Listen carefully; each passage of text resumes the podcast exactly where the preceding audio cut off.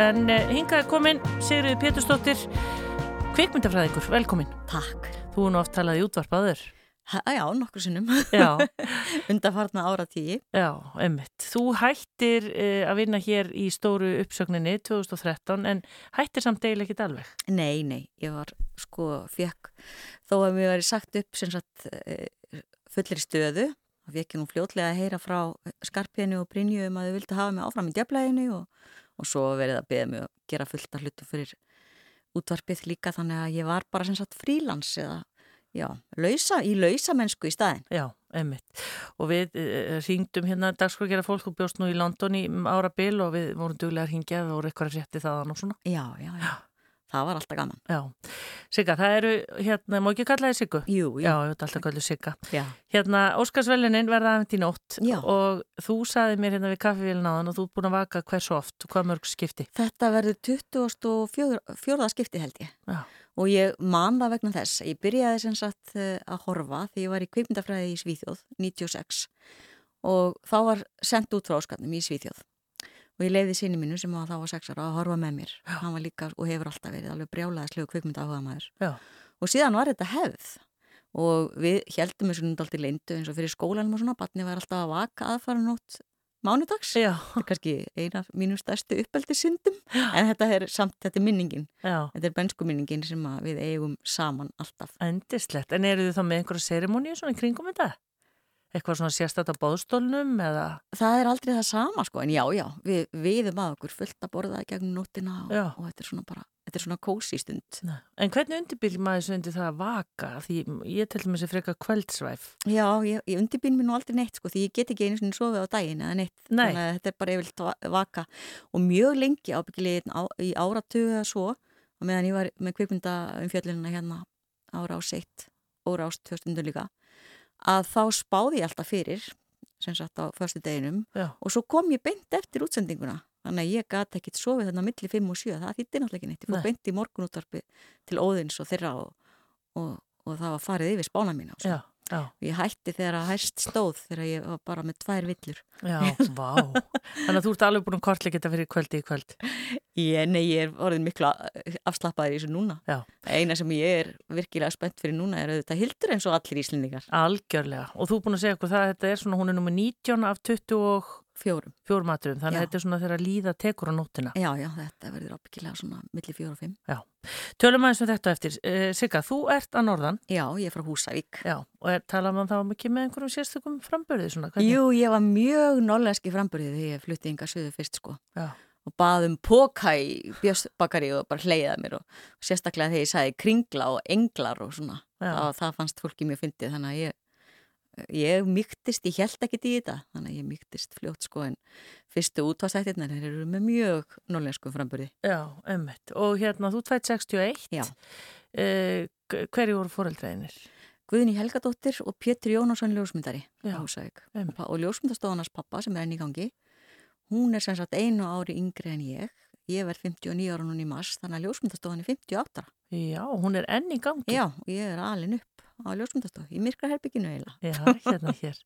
Og hvað, ert í stórum sískinahópi eða? Nei, ég á eitt bróður, hann heitir Helgi og er Pétursson Já, og tónskáld og gerfisfræðingur og allt mögulegt já. Og hvað, er, er hann yngri eða? Hann er tveimur árum yngri ég, Já, já, rétt tæplega Og hvað svona skottaðist maður á Húsavík í þá daga? Já, sko, auðvitað á maður að segja að maður hafi aðalega bara verið í fjörunni að týna glerbrot og á skýðum og svona en ég passaði nú aldrei alveg inn í það ég var svona, ég var strax svona listrætn inn í búki Já. ég held ég hafi bara verið fætt þannig en ég hafi aðalega áhuga á uh, að lesa bækur skrifa, hlusta tónlist uh, leika í leikritum syngja Já. og dansa beð með sko, sko dansskóla pókana mína í dansskóla skóna mína í póka allt árið af því að Heiðar Astfálsson kennar frá húnum komum bara einu svona ári og ég gæti bara dansaði viku. Já, mesta sorgin sko, ég greit þegar ég fóru tilbaka. Já, já. þannig að það var svona, en ég gæti fengið útrás í, í öllum svona í leiklist og, og tónlist og svona. Það var mikið tónlistastarf á Húsavík. Já, varstu þú að læra hljóðfæri eða? Já, ég lærði á, á hérna, orgel og piano og þannig að ég hætti að bróðin minn var svona ung, hérna, undrabatn og fóð fram úr mér. Já, já. og ég var svo stolt að ég bara, nei, ég hef bara áhuga á að syngja. Já, steinætti já, já, já. Svo hérna, þá var ekki hægt að fara í framhaldsskóla, maður var að fara Nei, ekki til þess vegna fór ég í Emma ég var snemma ákvað það að mér langaði mjög mikið til þess að læra áfram Já, og fór í málabrut, það er alltaf áhuga á því. Og hvernig var það fyrir þig? Það var væntalega heimavist og... Það var indislegt sko, já ég fór í heimavist aðeins fyrst og það var alveg brjálæðislega gaman og svo fór ég og bjóð hjá frængu minni uh, sem heit, Svanhildur og Albert, manninn mennar og komst þar í stóran sistrahóp frængu minna sem að mér fannst að það var alveg svona sérstatt kikk Já. og varð bara eins og eina dætrónum og það var bara með dásamleiri tímum lífsmýns líka sko. Og ég, það er oft sagt að það er, um, eh, afrískur málsáttur sem segir að það sé sagt þurfi þorp til þess að bann og mér finnst það einhver besti málsáttur sem til er því að bæði óleilt þorp mjög upp í átti gott, gott og mikið bakland já, mjög tengt ömmu og afa húsavík og síðan ömmu minni hér og móðusýstu minni Björgu sem að tók svo við mér þegar ég kom hingað. Já, Þannig að og mér finnst líka gaman að hafa alið upp svona hluta til eiga hluta brefi alveg fullt af bönnum líka já, þó ég hef bara fætt eitt. einmitt. Þannig að þetta er ekki alveg svona allt einhvern veginn slétt og fælt. Það er betra að hafa þetta Mér gruppa finnst það bara stundum. mjög gaman. Já, en hvað hérna enn í Emma? Var það, gastu svalað svona listageðinni þar? þá loksins komst ég í feitt sko Já, fyrir alvöru var í, í bæði í hérna myndlistatímum og uh, var í leikfélagin á fullu leik þar aðalutverk komst í það, komst í feitt Já. og dansaði á dansstúdíu við Alísar og, og söng með passíukórnum og það var bara og, og var í stjórn kvikma sem var kvikmyndafélagið. já, Ég var alltaf, ég alltaf verið svo mjög kvikmyndanörd sko. já, já, já. Ég horfði á þætti og hjónabandi með pappa og mömmu þegar ég var 13 ára og ég sagði sko ekki frá því vinkonum mínum. Nei. Af því að, að ég sagði bara ég var í hjálpa mömmu eða eitthvað. Því að þetta var svo mikið, þetta var svo nördalegt að fara ekki út í sjoppu á þriðutaskvöldum. já. En veistu eitthvað hvaðan þetta kom? Þessi áhuga? Nei, það var bara held ég meðfætt og þessi áhugi kannski bara á allt sjónrænt líka að alast upp á myndastofunni og þetta er mjög mikið í föðu fjölskyldinu minni líka. Já, Mikið að ljósmyndurum og kvikmyndagerða fólki. já, Þannig að þetta er einhvern veginn svona, þetta er einhver blanda af genunum og uppeldinu held ég. já.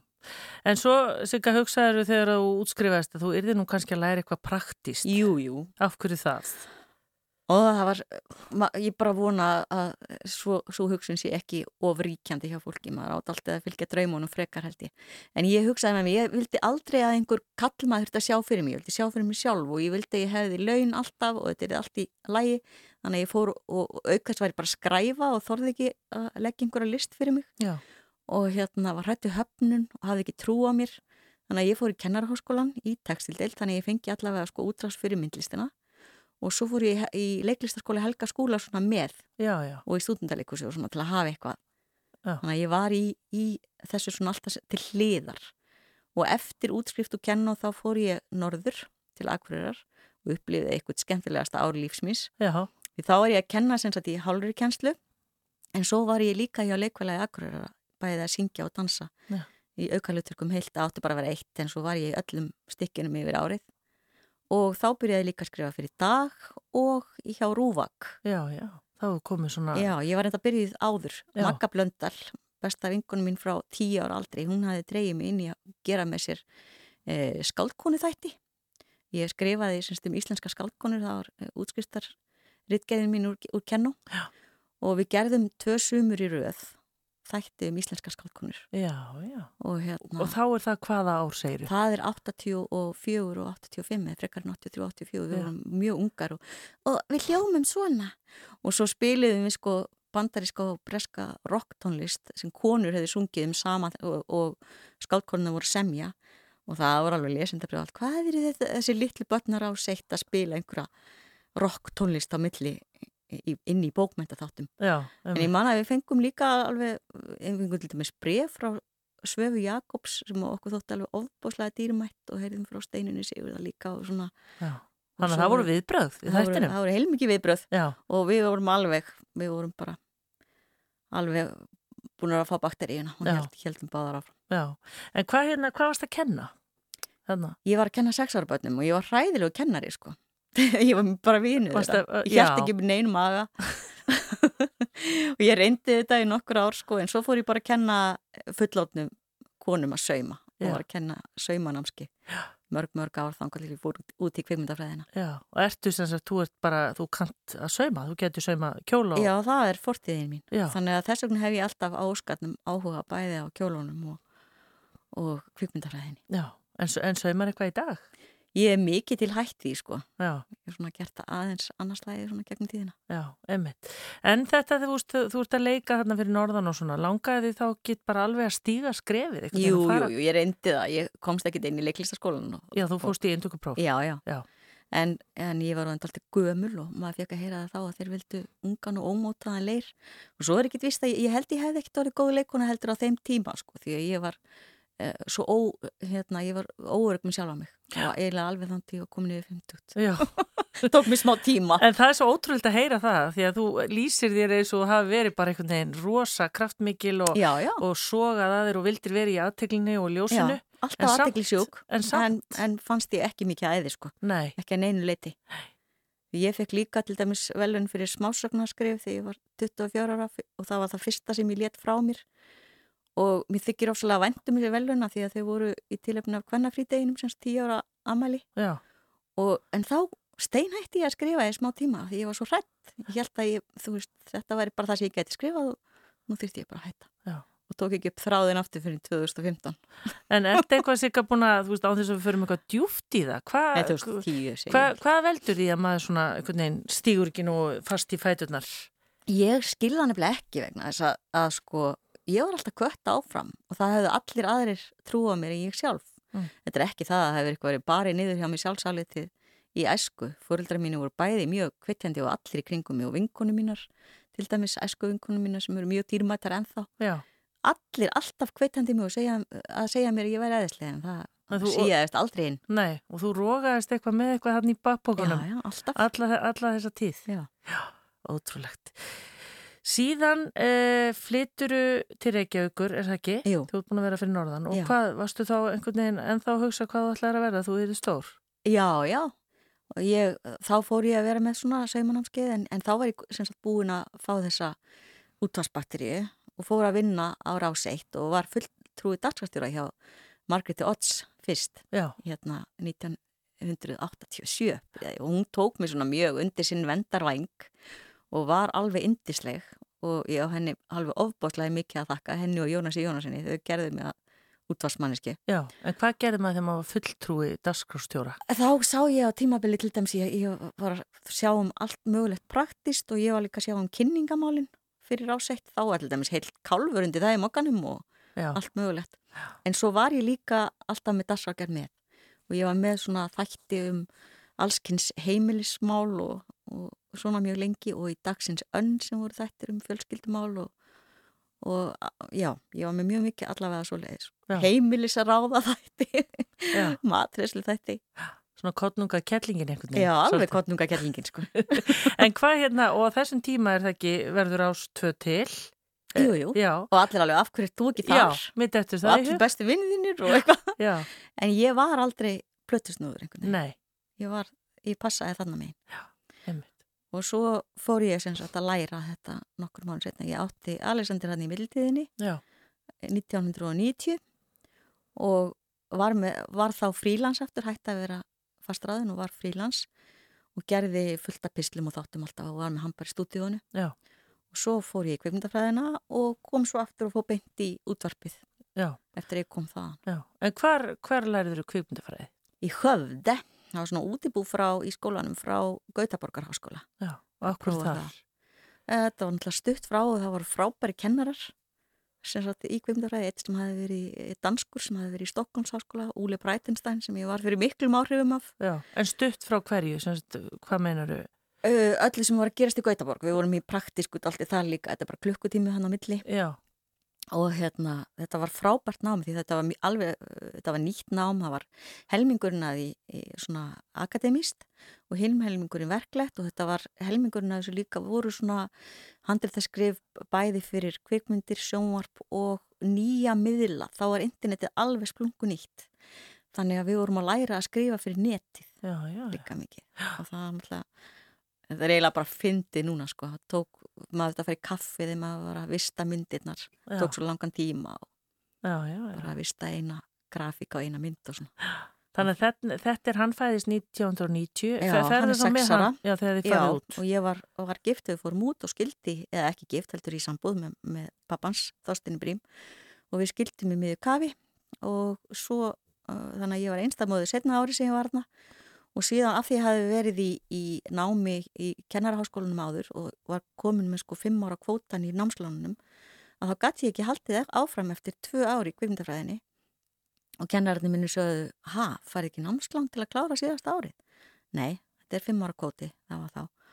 Var ekki smuga að fá og hann sagði, getur við ekkert sendt heim til þín eða eitthvað? Þannig að það var nei, það var ekki og þeir vildi ekki að ég hætti. Þannig að ég var gerða fyrsta fjarnemandanum við hennan skóla og, og sem sagt kláraði kvikmyndafræðina á tveimur árum.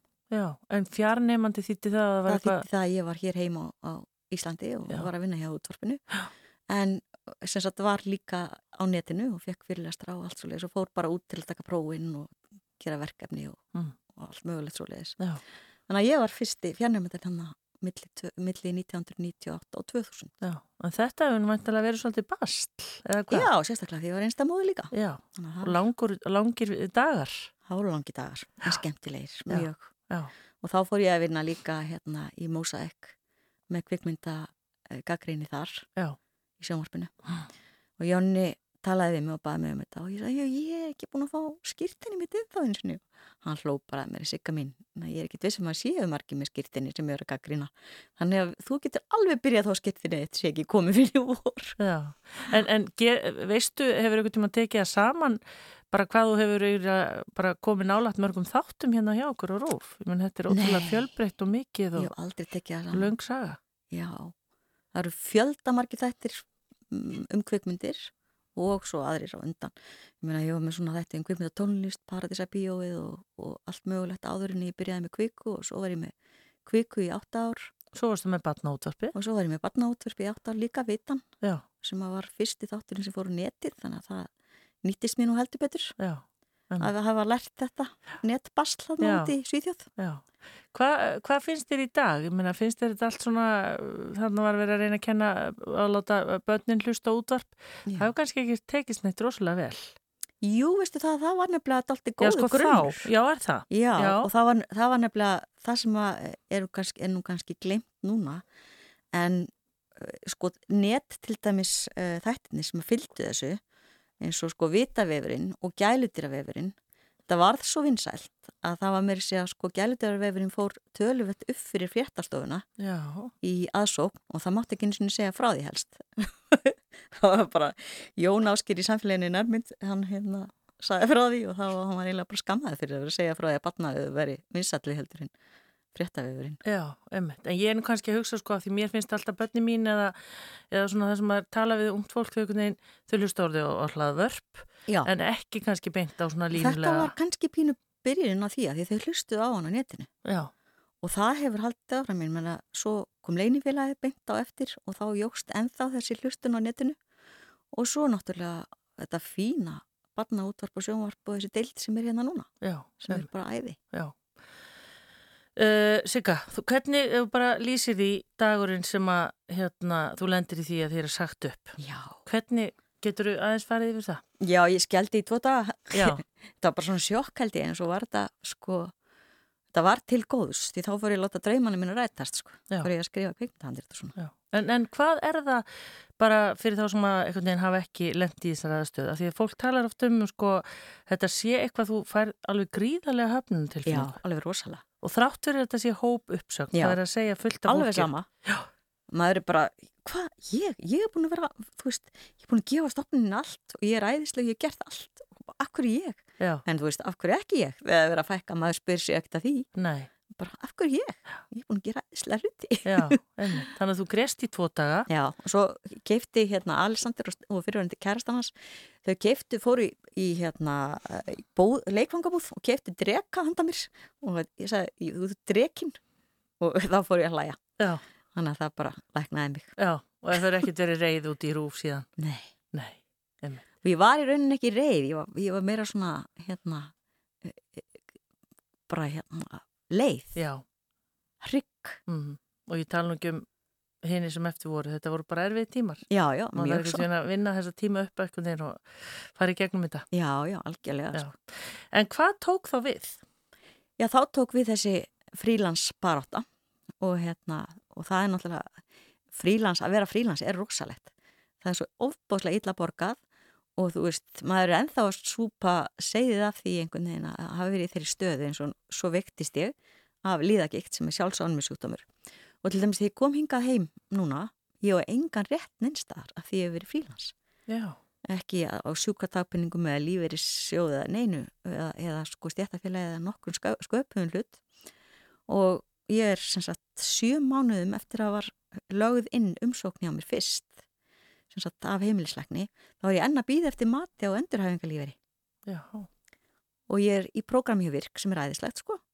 En ég hugsa oft um, ég er í rosa góður, góðri stöðu með gott bakland, bakland en ég hugsa oft til fólk sem er virkilega fátækt og, og er ekki með þetta bakland sko. Já, um þetta er ræðilegt gerfi kemur mjög góðu heilbyrðisgerfi í Breitlandi Já. þar sem er tekið virkilega utanum hann og það er alveg svona heimin og haf. Já, en, en þú ert hérna með drekan hann upp á vegg og svona en af hverju, af hverju að flytja út? Var það út af því að Harki hérna var bara, Nei, ég flutt út áður sko. Já, ég var úti þegar mér var sagt upp. Já, þú varst komin út. Já, já, Já, ég var semst flutt út 2012 og uppsagninar er í árslók uh, 2013 Já. þannig ég var búin að vera með og senda alltaf kviku heim. Í- og vera sjálfa var með mér með annarkvöld þátt. Og hérna ég sendi þáttinn heim, vann hann alveg úti og var í djöflæginu líka og allu mögulegu íslendingasögur og okkar á milli þátt og já, hitt og þetta og þá náttúrulega allt árið svo stafrænt að ég bara sendi þættina tilbúna heim. já, alveg þannig var þetta. En, en af hverju fórst út? Hva, hvað var það? Það var bæði svona, þetta var ævindýra þrá og okkur Garðar hafði mjög lengi, við höfum talað um þetta sko í mörg ár, hvað okkur langaði að búa í Breitlandi, fórum alltaf þangað í frétt í allar svona, hérna, öll frí. Já, og það er Og Garðar hafði prófað, Garðar Agnarsson, Hall, eiginmaður minn, Já. hann hafði semst prófað að reyna að komast út að vinna áður fyrir löngu, þegar hann var ungur löngu áður en veikindumst, hann hafði líka áður búið í Fraklandi og ég búið í Svíþjóð, það var svona útráð í okkur. Svo eh, fær Alexander Ingungu í uh, Central School of Speech and Drama, hann var búin að vera mikið í leiklistina heima. Og við eiginlega eldum hann, ætliðum að vera bara, þú veist, prófa ætliðum að vera bara í eitt ár og endaði með, við vorum í sjö ár. Já. En þetta lítur, þetta er ekkert grín, er það ekki ótrúlega flókið einhvern veginn að flytja svona út? Jú, en það er bara svo ofbóðslega gaman líka og, og gefur manni svo mikið og er svo þroskandi og ég er svo allt önnur manneskja Já. heldur en ég var því ég flutti út. En, en sko, ég menna bara koma sér inn í kerfið og Já, ganga frá íbúðunum hérna heima Já. og hver, hver, það er bara brjálu vinna Já. og það fannst mörgum við freka galinn á þessum aldrei að gera þetta mm, líka sko, ekki orðin svona e, först svolítið í skorðum en við erum ekki alveg þær týpur. nei, og þannig að fyrstum sinn ert þú semst með vinnuna hérna Rúf Já, já. og Alexander fyrir inn í skólan Já, en Garðar, hvað fór hann að gera? hann var með og hann á ennþá part af sínu fyrirtæki hérna heima og hann flakkaði á milli framan af sko en svo setna fór hann að vinna hjá þinginu í lávaradeldinni að kokka fyrir þá. Já, hann er semst kokkur. Já. Hvað hérna, og var þetta bara eh, dagar víns og rósa eða hvað? Nei, þetta var ekki aldeilis dagar vins og rósa, þetta voru sko þessi sjö ár voru kannski svart hvítustu uh, ár lífsmýns Mm.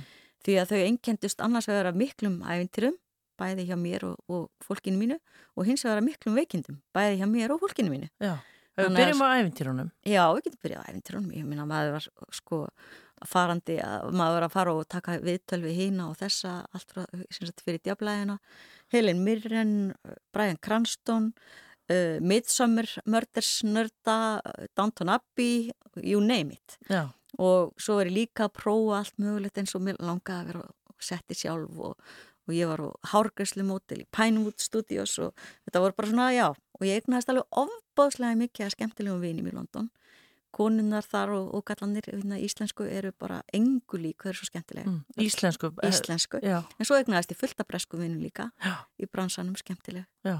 Og er- skemmtilegum vinum. Já, og eru þeir, þú veist, eru opið og ég menna komast inn í svona eitthvað? Nei, það er, það er eitthvað það lokaðast sem er það er bresku bransi það tekur mörg ára, ég var svona rétt að byrja að komast inn í aðeins þegar við fluttum heim. En ég er að reyna að halda smá sam, samböndum en það En ferðist þið um Breitlandi eða hvernig? Aðeins, ég hefði viljað ferðast miklu meira sko, en veikindin okkar komið allt í, í veg fyrir það líka. Já.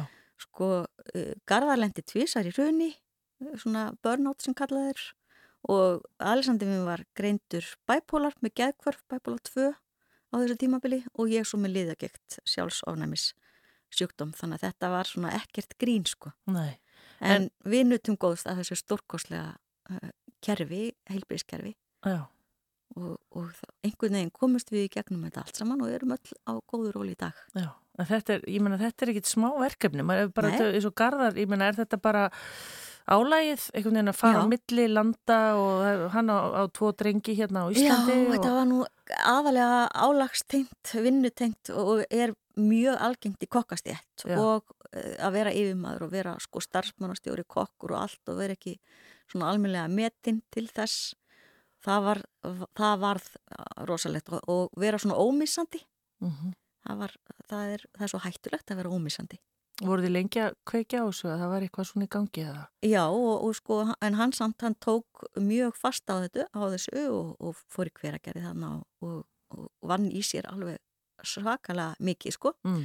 en fór samt fram úr sér aftur í veitingaþjónustu í London sem hann fór að vinna fyrir mm. en þá fann hann öll enginin og var mjög flinkur að, að sko bakka tilbaka þannig að hann fór aftur í hverja gerði og hann náði sér miklu hraðar þá og nú er hann alveg með mörkin sín á hreinu Já, ömmit En svo er það Alessandir og þetta er náttúrulega bara auðvitað ekkert grín hvernig Nei. er þetta líka tengt álægi eða? Nei, þetta er, hjá, í hans tilfelli er þetta örglega mjög genetist. Mamma var alveg örglega með geðkvörf líka þó hún hafði ekki verið greint og var ekki að þeim tíma. Pappa hans er líka með geðkvörf þannig að hann er með þetta í báðumættum og þetta er mikið í ættanum okkar líka sko og þannig að það er hérna og læknirinn sem hann var með úti í Breitlandi hann sagði já, góðu fréttinar eru þær samt að þegar þetta er sem sagt ættgengt bæpólur þá virka lífin oft betur En það við tók, tók við alveg rosaleg, rosalega erfitt árð meðan við verðum að stilla lífin af. Mm.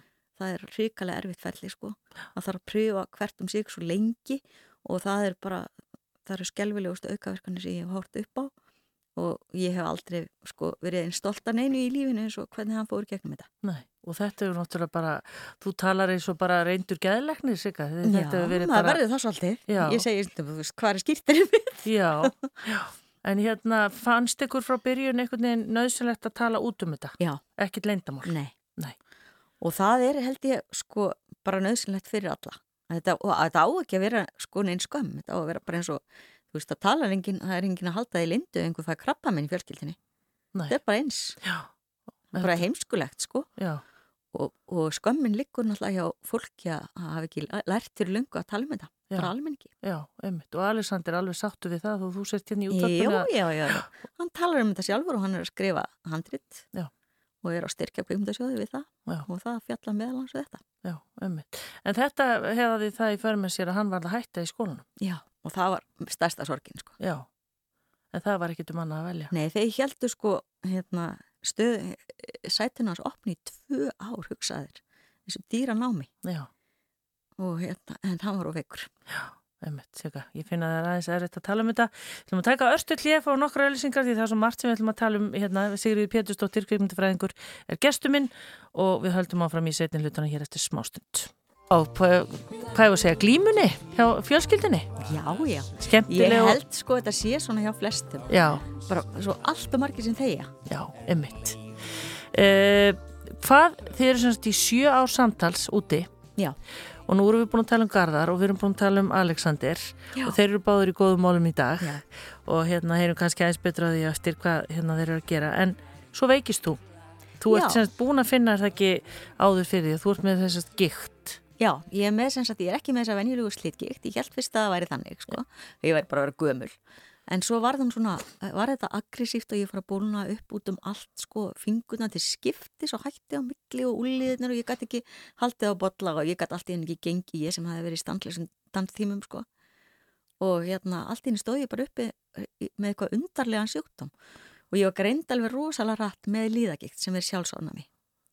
Og reyndar var ég búin að, sko, ég mælu nú kannski ekki með ég að fólk sem ekki að googla sig áfram með sjúkdóma en ég var búin að, búin að gruna þetta. Og ég var farin inn í e, námskeið hjá konu hérna á Íslandi sem heitir Hildur M. Jónsdóttir. Hafði verið sjálf með mjög uh, mikla sjálfsofnæmi sjúkdóma og lækna sig með mataræði og ekki bara mataræði, þetta er mjög flóki, þetta er lífstílsbreyting alveg gjöröfull og hún sem sagt uh, sameili vinkuna, frænka hennar hafi sett á uh, Facebook að Hildur ætlaði að prófa að halda svona ókipis námskeið fyrir konur og ég var sem sagt fyrsta tilurna dýrið hennar, ég var hvað bara að sakar ekki að prófa. Og eftir að vera búin að, sagt, vera búin að breyta öllum mínum lífstíl þarna í e, tvo mánuði eða svo, þá fann ég að meldingi og komin í lag mm. og fleira svona og ég var allt í hennu all önnur ég var greint þannig ég ákvaði að halda því áfram líka. Já. en var svo greint og fór á mjög sterk liv og það var haldið mjög vel utanum þetta þannig í, í Breitlandi og ég var, ég mm, sem sagt, fekk bestu hugsanlega þjónustu og náði mér uh, alveg ótrúlega fljótt af, sem sagt, ég var farin á bara halvu til einu árið, þá var ég farin að geta gert allt, ég get alveg gert allt með fingurna núna og úliðin og ég var farin að ári síðar þá fekk ég hérna frá Alexander Amaliskjöf steppnámskið sem að ég, mér var búin að dreyma að læra að steppa Já. alveg frá því ég var lítið steppa Já. þannig að þú getur séð, sem sagt á ári þá fór ég frá því að get ekki gengið yfir ég að steppa Já, og nú er ég forvitin ef við bara tökum, ef við byrjum bara á mataræðinu hverju breytir? Ég er sem sagt, ég borða ekki glúten ég borða ekki síkur, ég borða ekki aukaefni ég borða ekki kjöt ekki mjölkuvörur og ég drekka ekki koffín.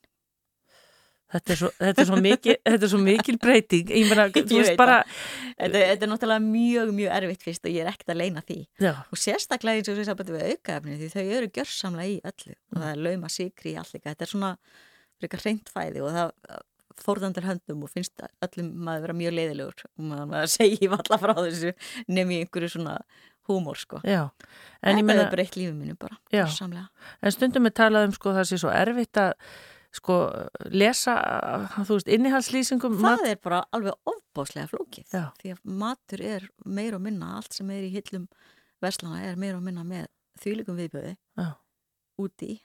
Og ég finn bara munin sérstaklega ef ég borða ef ég svindla pínu, ef ég borða meiri sikur eða ef ég borða eitthvað með aukaefnum þá segir líka mér það alveg um leið Já, og hvað ertu þá að búa til þinn einn mat eða hvað? Já, mjög mikið Já. og svo er nú alltaf meira og meira svona sem að, en ég borða til dæmis all, alla sjáarafurður og, og svo lengi sem það er ekki, ekki hérna, eldis eitthvað eða þú veist, þetta er, þetta er ákveðið svona, þetta er mjög bara Já En, en, en hérna... þetta er ekki kannski eitthvað sem allir sem eru heilbreyðir þýrt að gera. En þetta breytir allir þegar maður er veiku fyrir. Já, en til dæmis bara ef ég allir ávegstir, borðar ávegsti eða? Já, framan af þetta er, þetta er mjög flókið uh, ferli sem er allt og flókið til að útskýra, þetta er ekki svona einhver quick fix uh, eða svona skyndi lausnar matarkúr eitthvað breyta á 15 dögum, þetta er ekki neitt skilt því sko, þetta er bara alls herja lífstilsbreyting fyrir þá sem eru veikir fyrir. Og Uh, það er sko, jú ég bý til mín, mín eigin mat mikið en svo reynir ég að borða það sem er sem reynast bara. Mm. ég lifi á grænmeti, fræjum uh, allskins uh, hérna, hnetum og, og afurðum af því. Ávextir, ávextir til dæmis eru komnir núna en fyrst til dæmis borða ég bara ber. Það þurfti ég þurfti að þarfandi þurfti að verða heilbriðari áður en ég fór að geta borðað aðeins meira. Mm. fyrst borðaði ég til dæmis ekki einu skuggagrænmeti en síðan sem sagt prófaði maður sér smám saman áfram með hvað maður þólir af því að þetta er svo einstaklismundið það er engin eins, sömur þól ekki akkurat þetta mataræði sem ég er á. Veist, þetta er ekki eitthvað svar við öllu. Fólk er svo einstaklingsbundi en það þarf að prófa sér áfram með hvað maður þólir já. og þetta er erfitt líka fyrir læknuna þegar eins og gektalæknirinn minn, hann segir ég er bara, þetta er svo erfitt með þetta mataræði. Sem er komað til mín og segja þú veist, ég bara er betri að giktin ef ég borða kjöt, ég verða að borða kjöt og svo kemur næstu og segir ég bara get ekki borða kjöt því þá fyrir allt í klassu Já. þannig að þetta er þetta er svo ofbáslega einstaklisbundi en það er alveg greinilegt allavega að það sem við setjum ofan okkur og hvernig við högum okkur álægið ekki síst það er það er bara þann, þannig líður okkur. Já. Uh, til dæmis ef að ég ætla að bjóða þér í mat hvað myndur þú segja Já. við mig? Þú getur ekki haft þetta og þetta og þetta hvað, oh. þú veist bara, ég verða bara Þetta er svo erfitt, en það sko bjóða engir okkur í mat því við erum kokkur og, og vandraða gemill Nei, bara nefndu, þú veist Já, nei, ég segi að jú, jú, það bjóða okkur alveg sömur í mat og, og þú veist, ég segi, ég borða alla fisk og, og all, alla sjávarafurður og grænmeti og ef þú notur olíu í staðin fyrir smjör, það er fín Já og, og þannig að það er alveg En borðar ekki, þú ekkit brauð? Nei. Enga, Engar mjölkurafurður það? Nei. Vá. En hvað hérna, hverju hefur líka breytt öðru? Þú, hefur, þú fórst að huglega, er það ekki? Jú, jú, ég fór í mindfulness út í, í Breitlandi sem heitir Núutund Já. Já, já vinkunum mín sem heitir Eva, Eva Gunnarsdóttir, sálfræði mentið og er að kenna þetta þar og það er alveg dásamlegt sko. Og svo er ég sálfræðingum líka bæði þar og hér. Ég, sko, mér finnst maður ég að nýta alla þá hjálp sem maður getur fengið. Mm. og svo er það reyfingin líka. Styrkja vöðvana, styrkja beinin, allt sem maður getur. Ég ja. gekk alveg ofbóðslega mikið í London og hérna fannst mér mjög erfitt að veðrið kemur alltaf í veg fyrir að maður gangi eins mikið en þá er ég í rektinni Já, en ég menna þú varst alltaf duglega að reyfa þig. Já, þetta, en ég var sko að borða örgla matræðið og, og allt, þú veist, það hefur haft mestan áhrif á, á því hvað ég varð veik og álægið. Því að þetta er kortisólið, þetta er stresshormónið sem að fóra allt í glæsu hjá mér. Legstu núna bara kottan og sopnar og bara ekkit mál og... Þetta er ströggla að halda þessu við sko Já. Sérstaklega að það er mikið álag þá fer hugurinn og flugur ég verið andaka en þá grýp ég í þessi verkfæri og passa mér rosalega vel og það er allt annað að sopna eftir að ég hætti bæða að borða sikur og drekka koffín. Þá seg ég eins og batn ég var, sko lengi vel var ég bara að sofa einhverja fjóra-fimm tím og held að það var allt í Já. mörg ár. En það var alltaf bara mesta vittlisa sem maður tilvist trúum. Já. Segir Sigurður Péturstóttir sem allra vaka í nótt.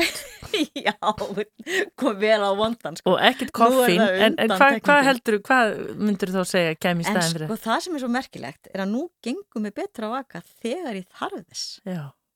Því nú er ég ekki þessi veiki skrokkur sko. Nei, Og andlega, nú hefur verið ekkit mál fyrir mig að vaka yfir Golden Globe og svona eins og var áður. Nei, En ég náttúrulega þurfti að vaka svona mikið bara því þetta var vinna mín. En nú ger ég það að gleði Já. og spenningi. Mm.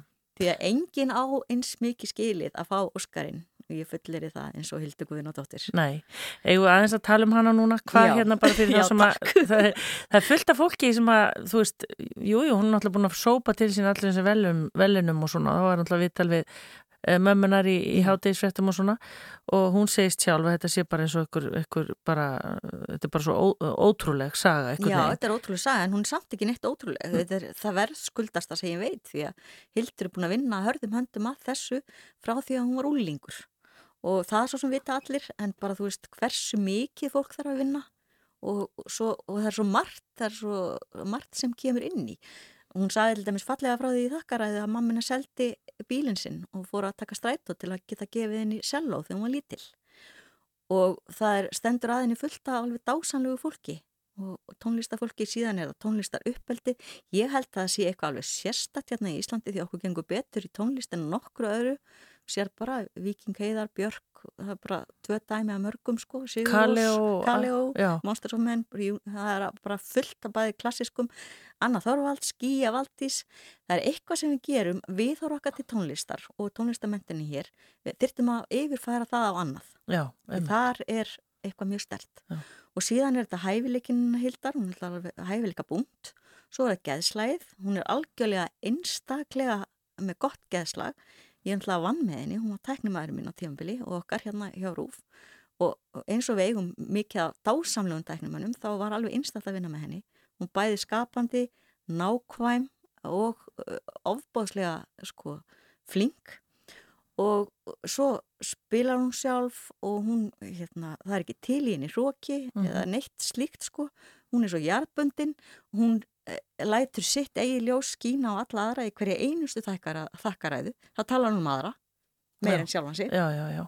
og hérna en það hefur heimurinn allir fallið fyrir henni. Já. Vini mínir í Breitlandi eru alveg sjúkir, þeir senda mér stanslust, sko, ég hef ekki við að svara hérna, skilabóðum af því þeir eru að senda mér greinar og svona sem hefur verið eitthvað um hildi. Af því þeir eru að síða að ég hef verið að posta á Facebook. Já, en hún kemst inn, er það ekki þannig að því að það er nú svo erfitt fyrir, hún er að lýsa þið sjálf bara fyrir konur, það Já. eru náttúrulega bara hvað, 3% eða ekki? Nei, svo er það það, sko.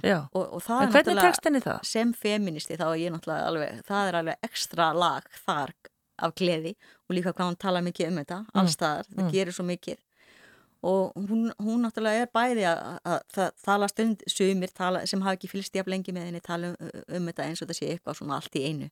Það er ekki þannig, hún er búin að segja mér tónlist fyrir fullt af kvikmyndum og þáttum áður og hún til dæmis samti uh, tónlist fyrir kvikmynd Kapringen, uh, danska kvikmynd sem vakti mikla aðtikli 2012 þá voru hún og Jóhann að koma til London að spila við þöglatónlist sem ég fór og ég tók viðtel við þau þá var ekkit verið að tala neitt mjög mikið um þetta hérna heima sko Já, við, ég- þögla kvikmynd sem sagt. Já, Já. Pandora's Box frá 1929 og þá voru þau hérna með stóra tónleika spila tónlistina sem þau eru búin að semja við myndina og þegar ég mæti þarna og engir íslendingar þegar ég mæti þarna þá eru svona byðröð bara langt fyrir hotnið af Íslington Hall þá sé ég allt í hennu sko hvað eru margir breyta sem er að fylgjast þarna með sko? Og, og, og dyrka þessa tónlist og, og, hvað þau eru flink. Já, og svo er þetta vaksandi stanslust og ég hún, svo er hérna tónlist við Sicario og við Marí Mótalenu það er, hún er að semja líka fyrir Ísland fyrir Eyðin, fyrir Ófærð. Mhm, þá eru margir sem spurðu mig hver er þetta sem semur tónlistina við Ófærð?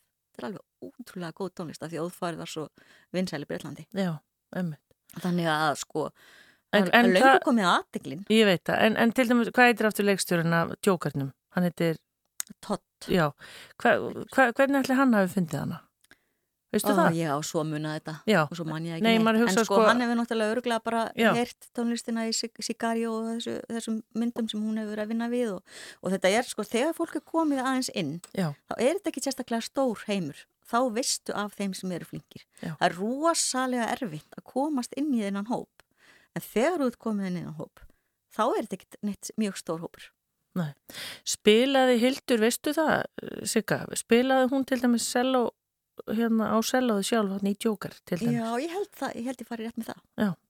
að, hérna, að hún hefur spilað hún hefur spilað allavega eins og hún spilaði á sellóið til dæmis í Sicario og, og hefur gert það og svo náttúrulega er hún- er sko uh, hún svo mjög frumkvöður líka það var eitt sem ég myndist ekki einu svona á áðan meina það vakti líka aðtikli hvernig hún bjóð til tónlistina við Tjernobyl þættina meina, hún er að nota þarna, hún tekur upp hljóð úr Tjernobyl kjarnorkuverinu og býr til tónlist úr hljóðum. Já, og, og eh, sko svo er þetta ingangur fyrir tó- nútíma tónlist kvikmyndin er það. Já, og, og hún er að nota það svo fallega og hún, ég meina, hún hefur gefið út sólablötu líka sem er alveg stórkostlegar, það er eiginlega engir að tala um þær. Nei, þannig að sko þetta er marg slungið og eitthvað sem væri hægt að tala um í marga glukkutíma þó að við höfum lítinn tíma hér já, já. En svo eru margir sem segja að þetta sé Óskarsvelun, þetta sé ykkur akademía og það eru ykkur, já, ég man ekki, hundruð manna þarna og sumir hafa ekki eins og séð myndirna sem eru tilnemdar og svona.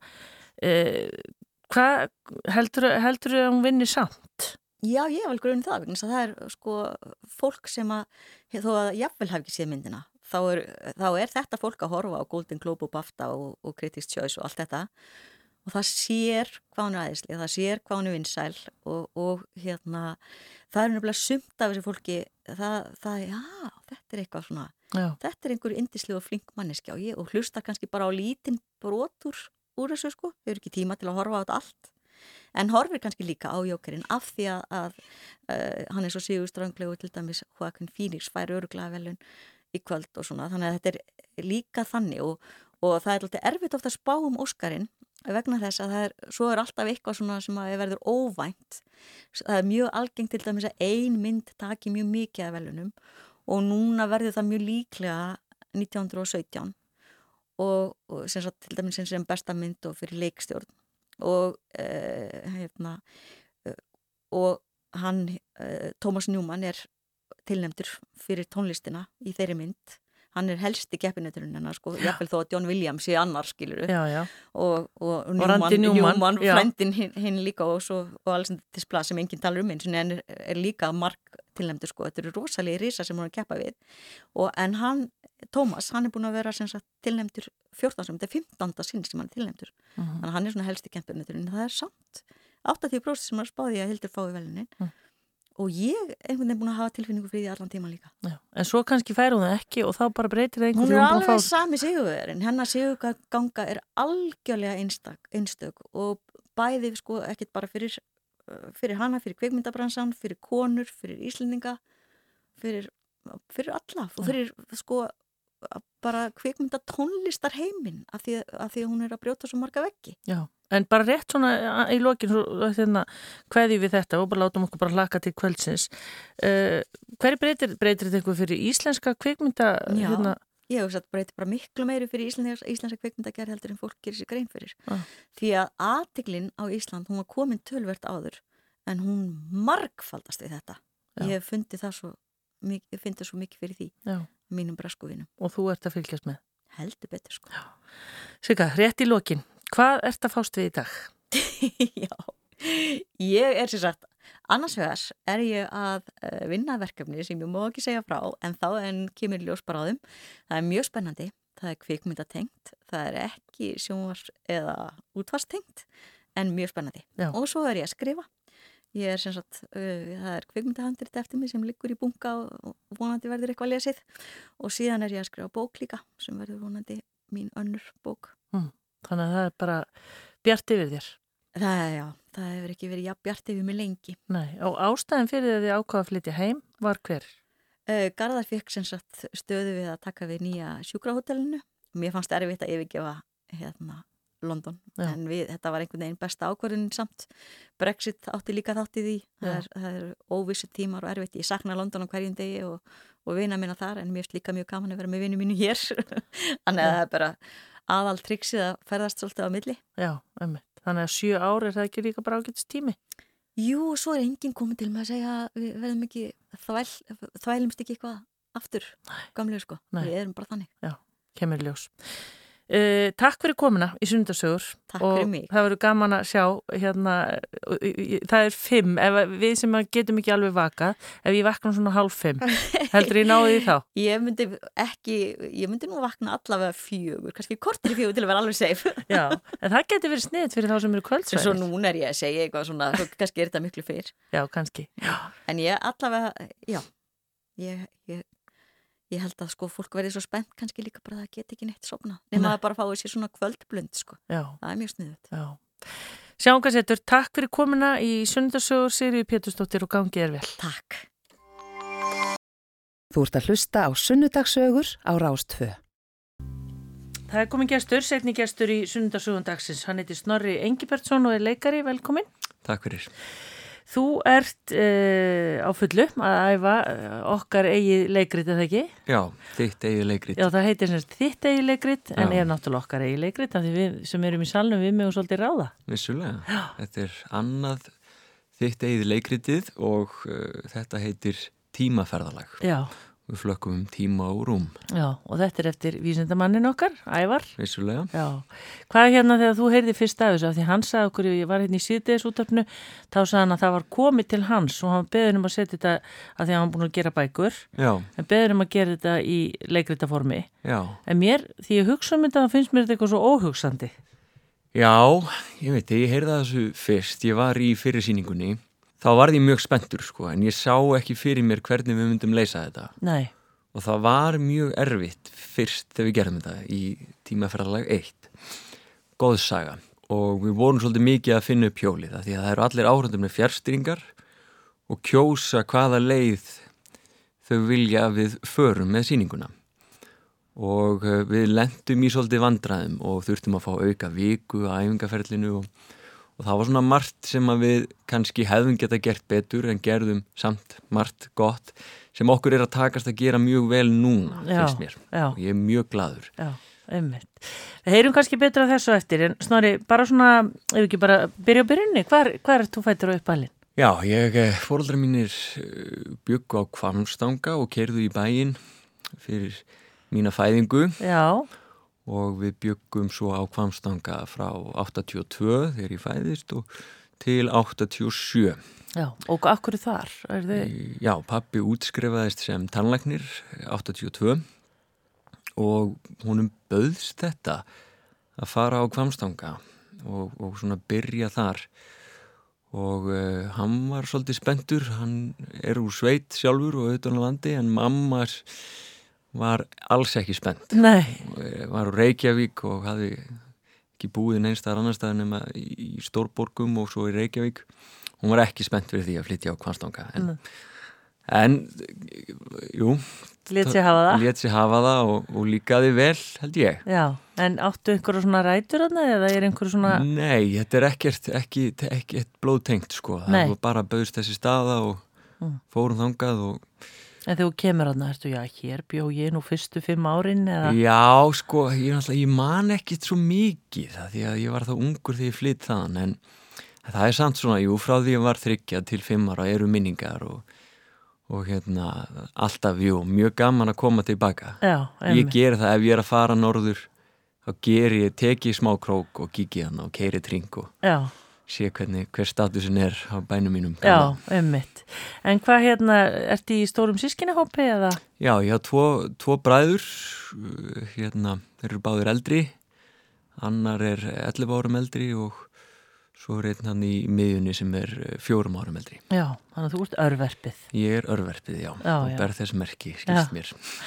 En hvert hérna, hvert fluttuðu til Reykjavíkur? Í hvað? Já, já, við fluttum í Hafnarfjörð, Já, í hérna gamla bæinn, bara í miðbæinn og uh, þannig Já. að þar sleistu svona baskon. Já, þar svona, já, fór ég, fór ég grunnskóla og, og hérna, já, ég man aðeins meira eftir mér þar heldur en á Kvamstanga. Já, Fór í lækjarskóla, gamla lækjarskólan. já, sem er alveg þarna í miðbænum bara, er Já, það ekki? var bara, ég bjó eiginlega þar bara við hliðin á. Já, já. Mjög þægilegt. Skottast í skólan og, og stökkva heim í, í, í mat. Og Já. hérna, mamma var heimavinnandi húsmóðir og þannig að það var algjör degur. Ó, bara kakó og ristabröð Já, alltaf, já, algjör draumur. lignir hann aftur augunum. En hvað hérna, hvernig stráku var, var hérna Snorri, varstu í boltanum eða hvað, hvernig? Uh, nei, ég var ekki í fótbolta eða svona, ég held að hafi vantað eitthvað ég held að hafi alltaf vantað eitthvað testosterón í mig ég held það, ég held að ég sé hérna en ég fór snem, mjög snemma í sangkamistansa Já, hvað var það? Var það, það var, já, sko frændi minn var svona á heimsmæli hvarða í sangkamistansum Já, þó hún hafi ekki verið nema fjórum árum eldri en ég þá.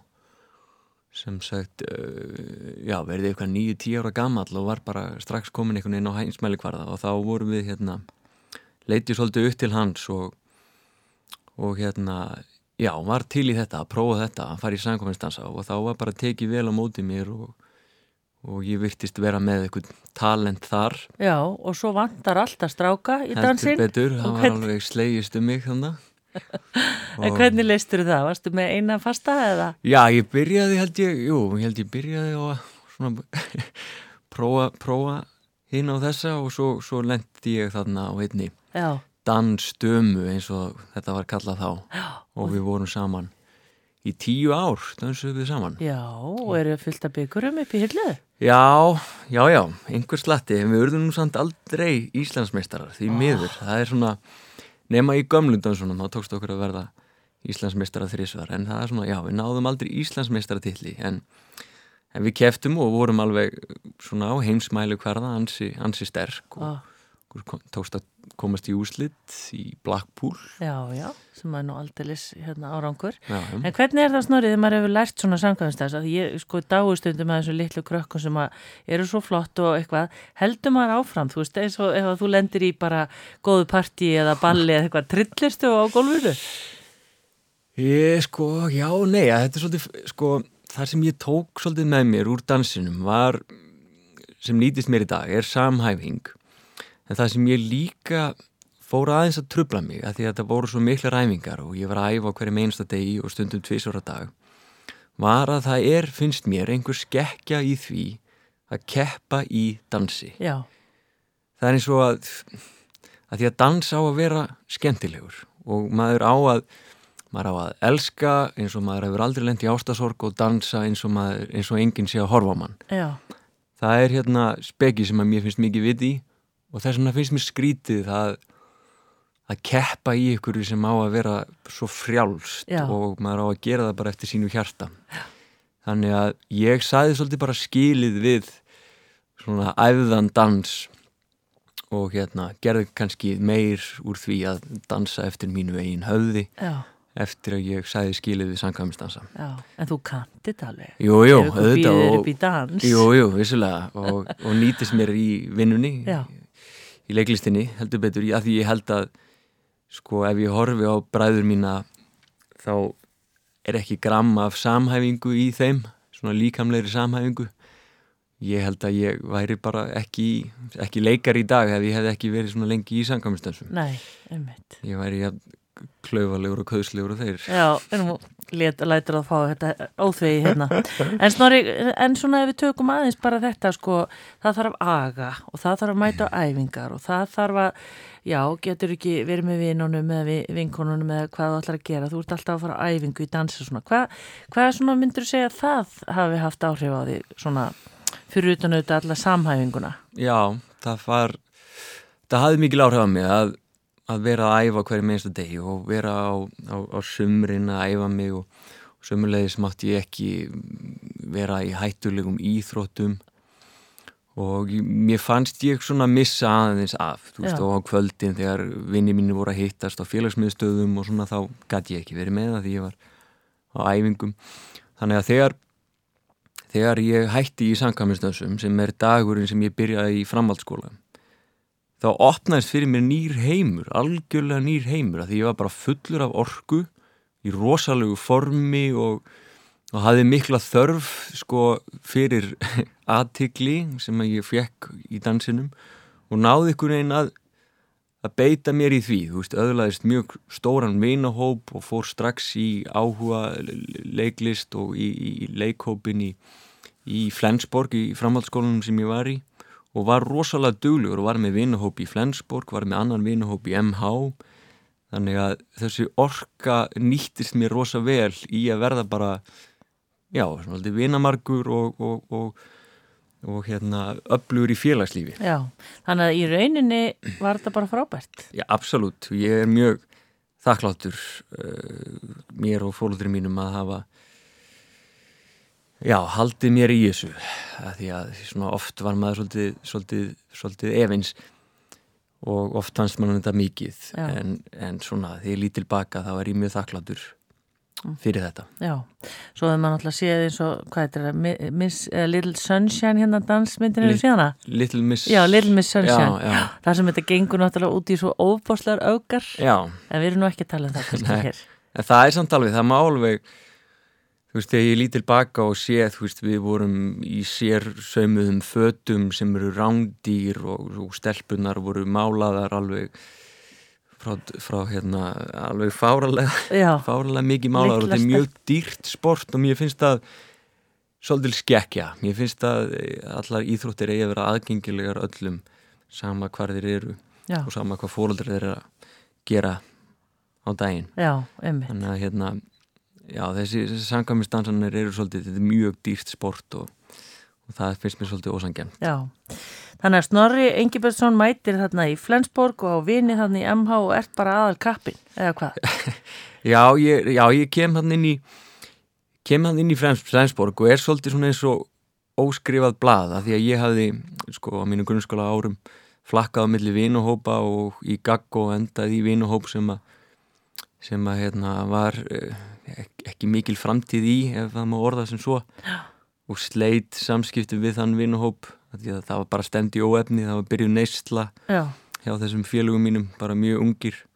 Þannig að ég var svona kannski búin að svolítið einangra mig í lok gaggó og átti fáa vini og var svolítið mikið bara í dansheiminum. Já. hafði það alltaf sem að svona eh, eh, þannig að ég kom þannig inn í Flensborg svolítið óskrifað blað og eh, átti, átti ekki sterkan vinuhóp og alveg náði að hella mér í það já, frábært.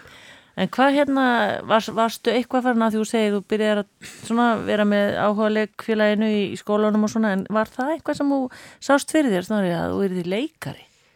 Já, ég hef búin að ákveða það fyrir löngu sko. Mér langaði, alveg, alveg frá því í grunnskóla, það langaði mig alltaf að verða tannlagnir eins og pabbi.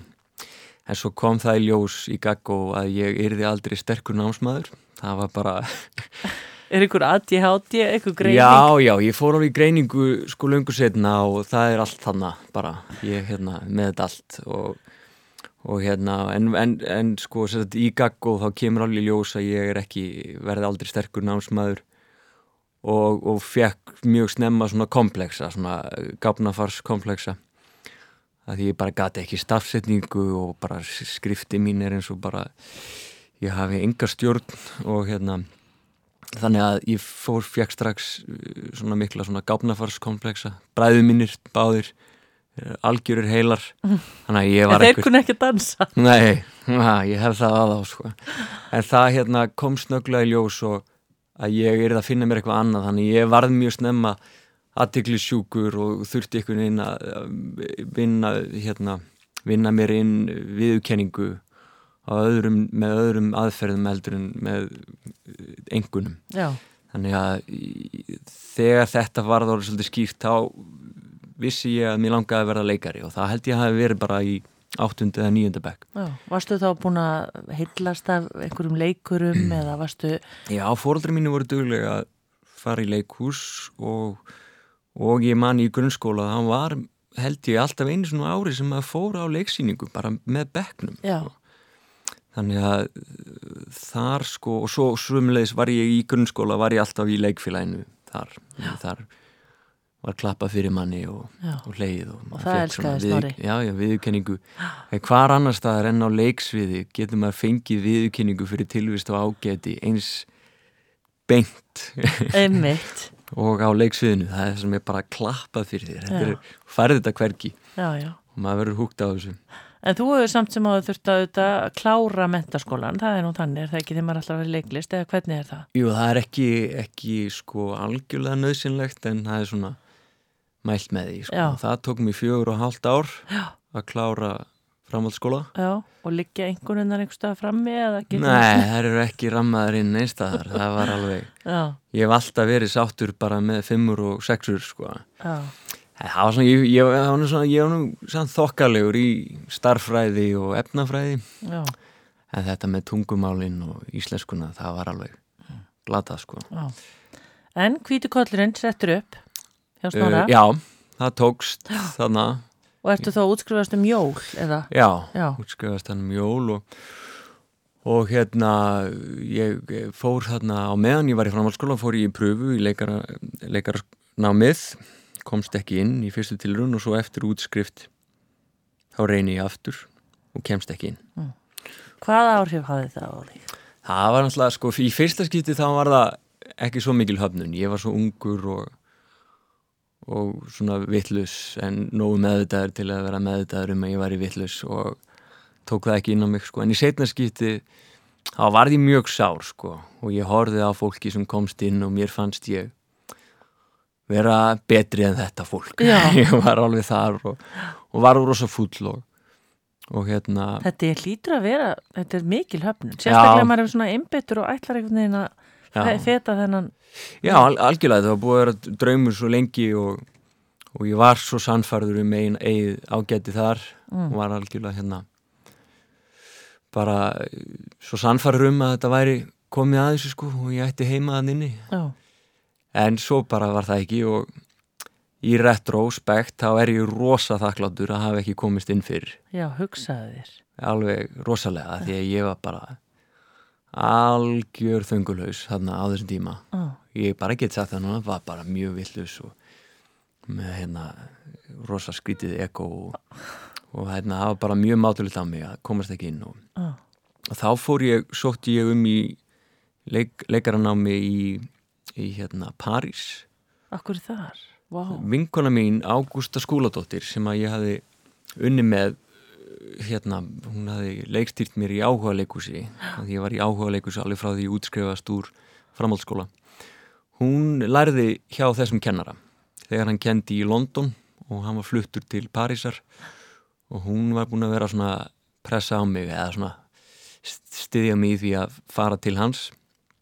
Og eftir þessa höfnun, eftir tilrönd tvö ákvaði ég bara að fara þángað Já. bara, En ég hugsaði strax, um, þurftur þú að fara að leika á frönsku eða? eða nei, hann Nei. Kend, kendi á ensku hefði búið lengi á, í London og, og alltaf verið með skólan á ensku Já, og þannig að þurftur þar að taka induguprófi eða? Nei, það voru ekki indökupróf Nei, það var bara, bara mæta og, og borga já, sem þú gerðir. Já, sem ég gerði, ég fór út og en það var svona, það var eh, rosa erfitt, það var bæði þessi höfnun í skólanum og svo, og svo deyr mamma mín þarna eh, bara nokkrum vikum áður en ég flytt út, hún hafði sett barist við krabba megin þarna í 15 ári í heldina og, og, og deyr þarna áður en ég fer út og, og svo fer ég út þarna held ég 6 vikum eftir að hún fer og, og hveð pappa minn bara upp á leifstuð sem hann bara Já, og ég fór þar út og ég held ég hafi verið svona öruglega fengið einhvers konar tauga áfall, það eiginlega hlýtur að vera Já. eitthvað svona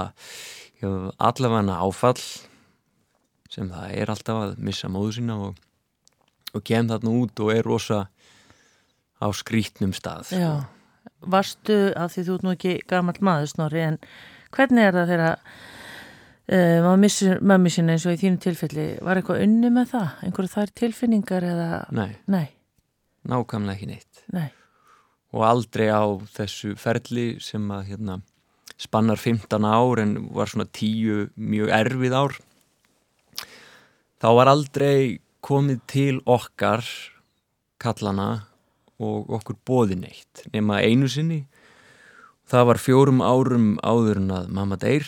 Þá var okkur bóðin fundur hjá konu sem að vann hjá heimahjúgrun já, Hún sest niður með okkur kallunum og segir við okkur að mamma eigi nokkra mánuð eftir mestalagi ár. Og hún lifir í fjögur ár eftir þetta. já, Og þetta var algjörlega hræðilegt að þetta hafi gerst. Að því þarna, þarna fæ ég þessar upplýsingar sem að koma algjörlega eins og þrjum ár heiðskýru og það sem gerðist hjá mér var að reyna ég ómeð þetta fór að reyna að undibúa mig fyrir það að kveðja mömmu. Og ómeðvitað fór ég að reyna að fjarlægjast mömmu. Af því að samkvæmt þessari konu þannig heimahjúgrun þá var þetta bara að fara að skella á sko. og ég einhvern veginn fór að vera rosa leiðilegu við mömmu og, og fór svona að vinna eh, gegn því að elska hana það var alveg alveg hræðilegt Já. hræðilegt þessi betur fer þá áttaði mamma sig á því að það var eitthvað skrítið í gangi uh, að því að við vorum rosa, rosa miklu vinnir og konfrontar mig sem að var svona var frábært og ég er rosa þakkláttur í dag hún hafi gert.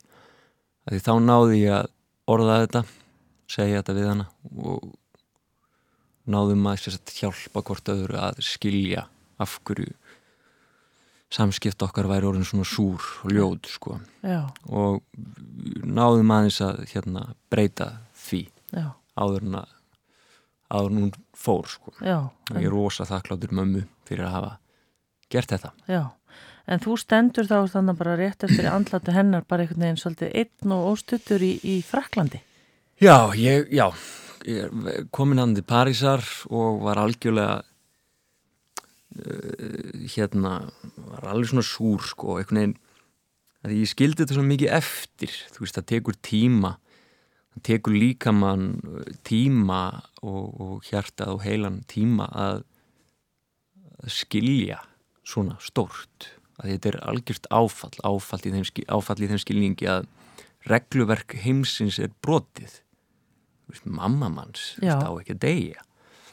Og hérna og ég kem það út og, og það, það verður bara svolítið svona eftir. Ég, og þetta er ekkert rætt og ég er ekki að ræði þetta við neitt og, og þess vegna er ég ekkert að takast á við þetta heldur er ég bara komin í einhvern annan heim þar sem að einhvern veginn held ég að móðu mín sé ennþá bara á lífi, eða þú veist, í þeim skilningi að ég er ekki búin að átta mig á því ennþá og ég er ekki farin að takast á við það og, en það, það samt fór ekkert á milli mála að það var eitthvað alveg í gangi í mér að ég fann það bara í líkamannum að, að, hérna, að, að hausin var að reyna að taka stáfið eitthvað sem að meðutundin var ekki að taka þátt í mm. Varstu reyður eða?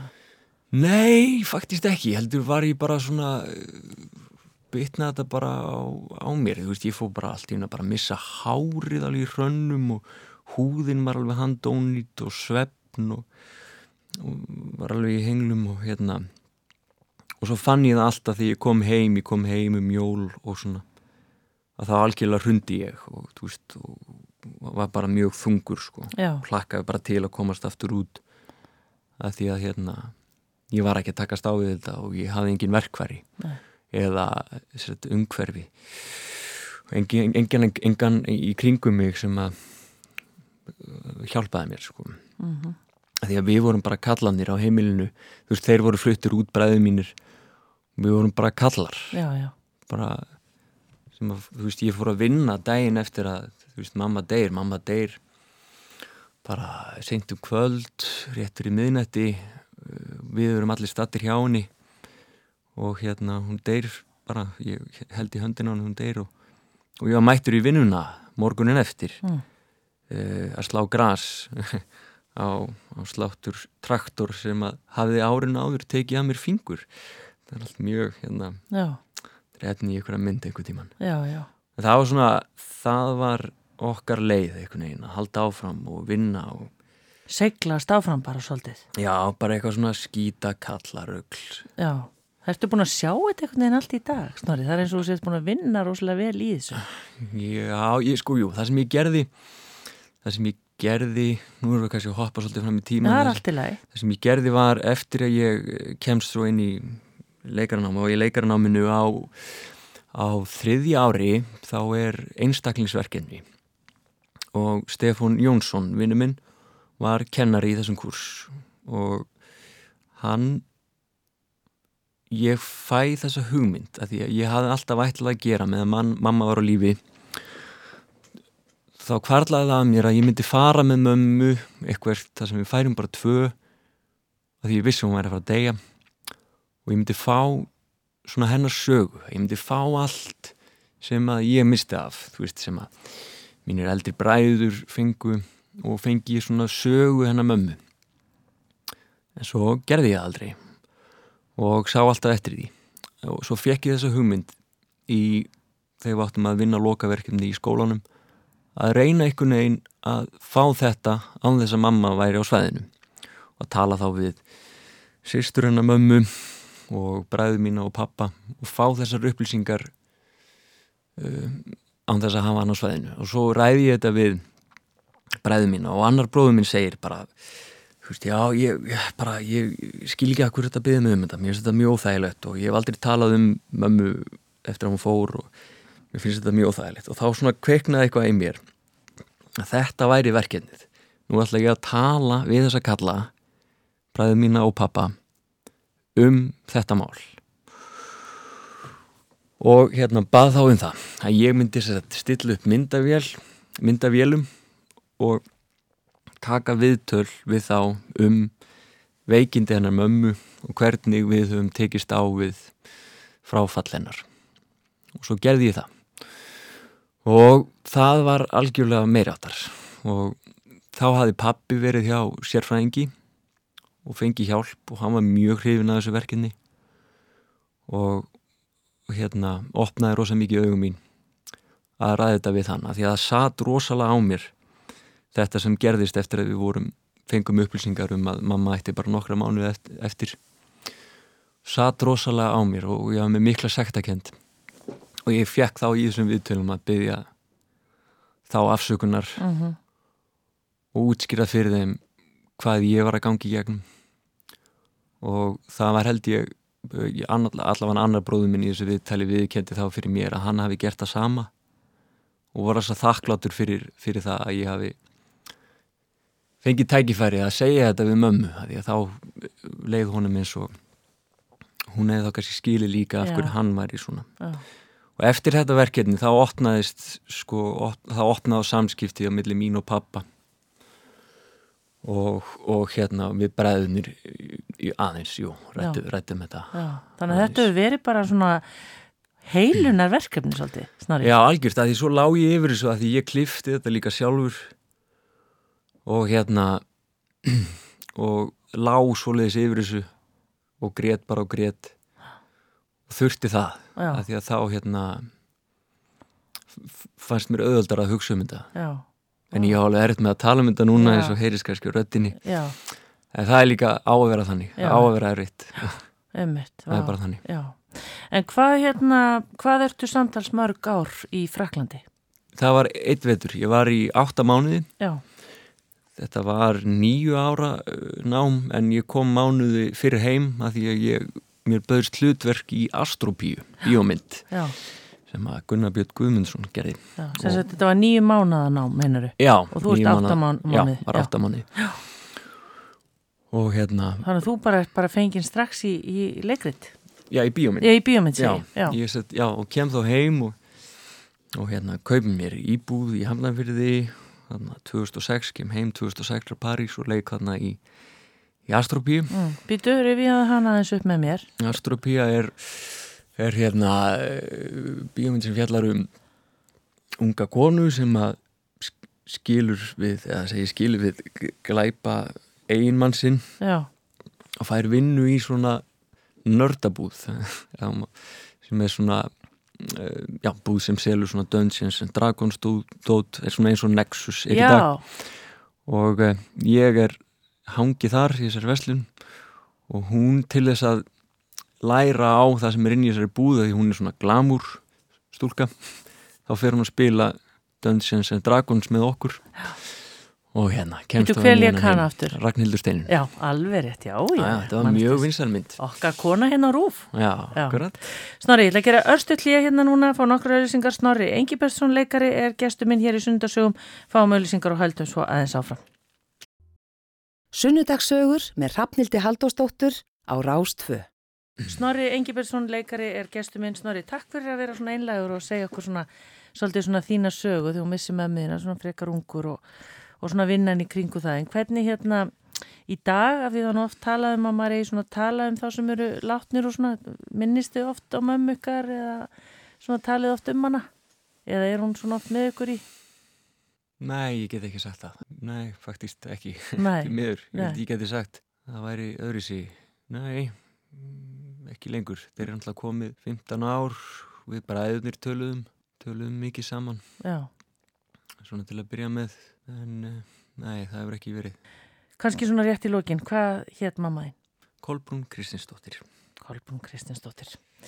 Snorri, mér langar að spyrja þig, þú kemur hérna heim, ferð að leika í þessari bíómynd, byrjuðu svo bara aðtunutilbúðin að hrannast upp. Nei, Það gerist ekki. nei, nei að Því að þetta nám sem ég var í úti Það taldi ekkert hérna heima Og það er erfitt að komast inn í bransan eh, Ef maður lærir úti Það er bara þannig Miklu meira hark Þannig að eh, ég eftir þetta fór að vinna hér og þar hérna heima Harka bara. Já, eða þú veist, og faktisk fór bara í, ég fór í byggingavinnu og fór að gera hitt og þetta og bara lítið í, í leiklistinni, annað en svona bara eitthvað áhuga leikus ef ég mann rétt, var ég eitthvað í því Mm. En, er svo bara svona að vinna og fást við hitt og þetta þangað til uh, 2008 þegar ég sækjum í, í þriðu tilhörun Já, en er rosa þakkláttur fyrir þennan tíma. Að hafa ekki komist inn fyrr og geta svona verið í, lí, í lífinu, finna það hvernig það er að vinna erfiðar vinnur og standa í, í því að borga af íbúð og eiga í sig og á og vera þreyttur og úrvinda umur í baki og, já, og, svona, og það var frábært. Og svo, svo áður, en ég, áður en ég kemst inn þá vann ég á, á svona sambíli í skamtímavistun fyrir börn með svona sérþarfir. Og það var næst skemmtilegast að vinna sem ég hef vunnið í. Já, og, og gríðanlega þróskandi veintalega. virkilega. Já, og hérna já, kendi mér svo margt. Já. En Snorri, það, það þarf hugur ekki til að fara í þriðja skiptið í inntökuprófið. Já, já, já, og þú hafið það. já. Já, ég fæ fer hún ekki út í það að kalla það beint hugur ekki, ég veit það ekki ég var bara, mér langaði þetta rosa mikið og þarna var ég bara orðin rosa bara æðrulaus held ég Já, og ég var bara fannst það bara svona eðlilegt að ég færi aftur í pröfu Mm. og var ekki stressaður. Nei. Ég var bara fórun inn og ég man að ég hugsaði ég ætla bara að vera í keppni við sjálfa mig um að vera eins líkur sjálfum mér og eins mikið ég sjálfur og ég mögulega get. Því ég vil ekki komast inn og þyk, á því að vera að þykjast vera eitthvað annar og ég vil ekki detta út aftur á því að þykjast vera eitthvað annað en ég er. Mm. Þannig að ég fór hana bara inn og var bara ég og svaraði bara mjög heiðallega Já, þegar ég var spurður og, og ég held að það hefði bara hjálpað. já. Það slækaði á og hafði í raun engu að tapa. Og Snorri Engibergsson komst inn. Komst inn, þriðu tilurinn, Já. 2008 og þá vart að útskrifast hvað? 2000 og- 2012, 2012. já, þá var námið fjúr ár, er þrjú ár núna, Já, þá heita BFA, já. þryggjara núna heit, heitir BA. En já, útskrifast 2012 og hérna, og fæði samning í þjóðlíkusinu Já. Og hefur verið þar síðan. Já, búin að leika náttúrulega allt og langt mála að hérna, telja upp Já, en er auðvitað fullt af skemmtilegu og fullt af erfið, fullt af krefjandi og já. ólík verkefni og Já, mjög ólík verkefni, misstór, misserfið, misskemmtileg, samt alltaf skemmtileg, alltaf lærðúsríkt, mikill skóli og enn að læra. Og hérna, já, var frábært, var mjög heppin. Fyrsta veturinn, ég, ef ég ætti að nefna eitthvað verk á þessum ferli, þá fór ég í Engla Alheimsins gegn þar einn af englunum og fylgdist með því ferli og það var bara stærsti skóli sem ég farið í. Fylgjast með uh, allir að leik þar aðalhutverk og það er stærsti skóli sem ég hef verið í að fylgjast með þeirri vinnu. Já. Það er ekki smá verkefni sem hún færði þarna bara fljótlega. já þannig að ég var mjög þakkláttur og já, unnið bara já, síðan 2012 í þjóðlíkusinu Já. líður alltaf betur og betur Já, í þessu sögufræða og fallega húsi. já, Snorri, þú hefur eitt áhugamál já, sem eru mótuhjól. Já. Þú ert náttúrulega mörg áhugamál en það er svona eitt af því svona fyrirferða meira. Hvernig kom það til?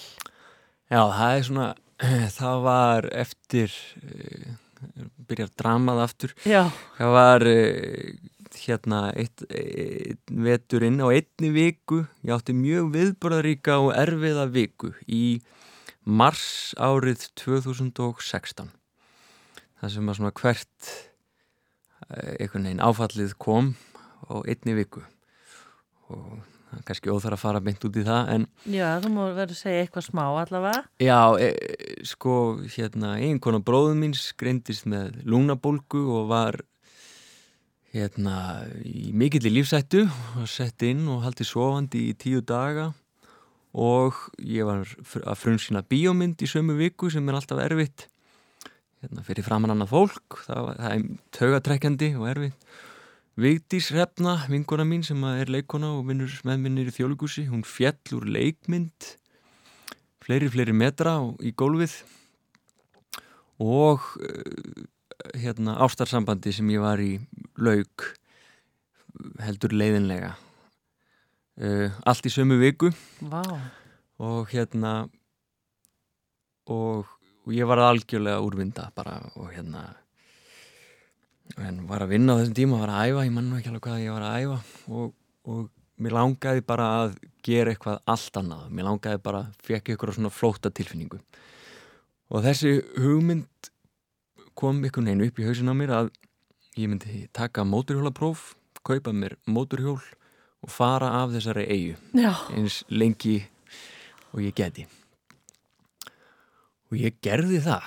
Og það er algjörlega fáralegt ég hef aldrei kert móturhjóla áður og er sko ég átti vespu um tíma þannig að ég bjóð í París og var alltaf að detta og, og meiða mig á henni þannig að ég hef aldrei þórað að eiga móturhjóla því ég er bara svo mikill vilsingur en svo bara gerði ég þetta ég tók prófið kifti mér enda fyrst móturhjól tók svo prófið pantaði mér miða í Norrænu já, og svo bara fór ég við fyrsta tækifærið, ég var komin í sumafrí bara einn. Einn.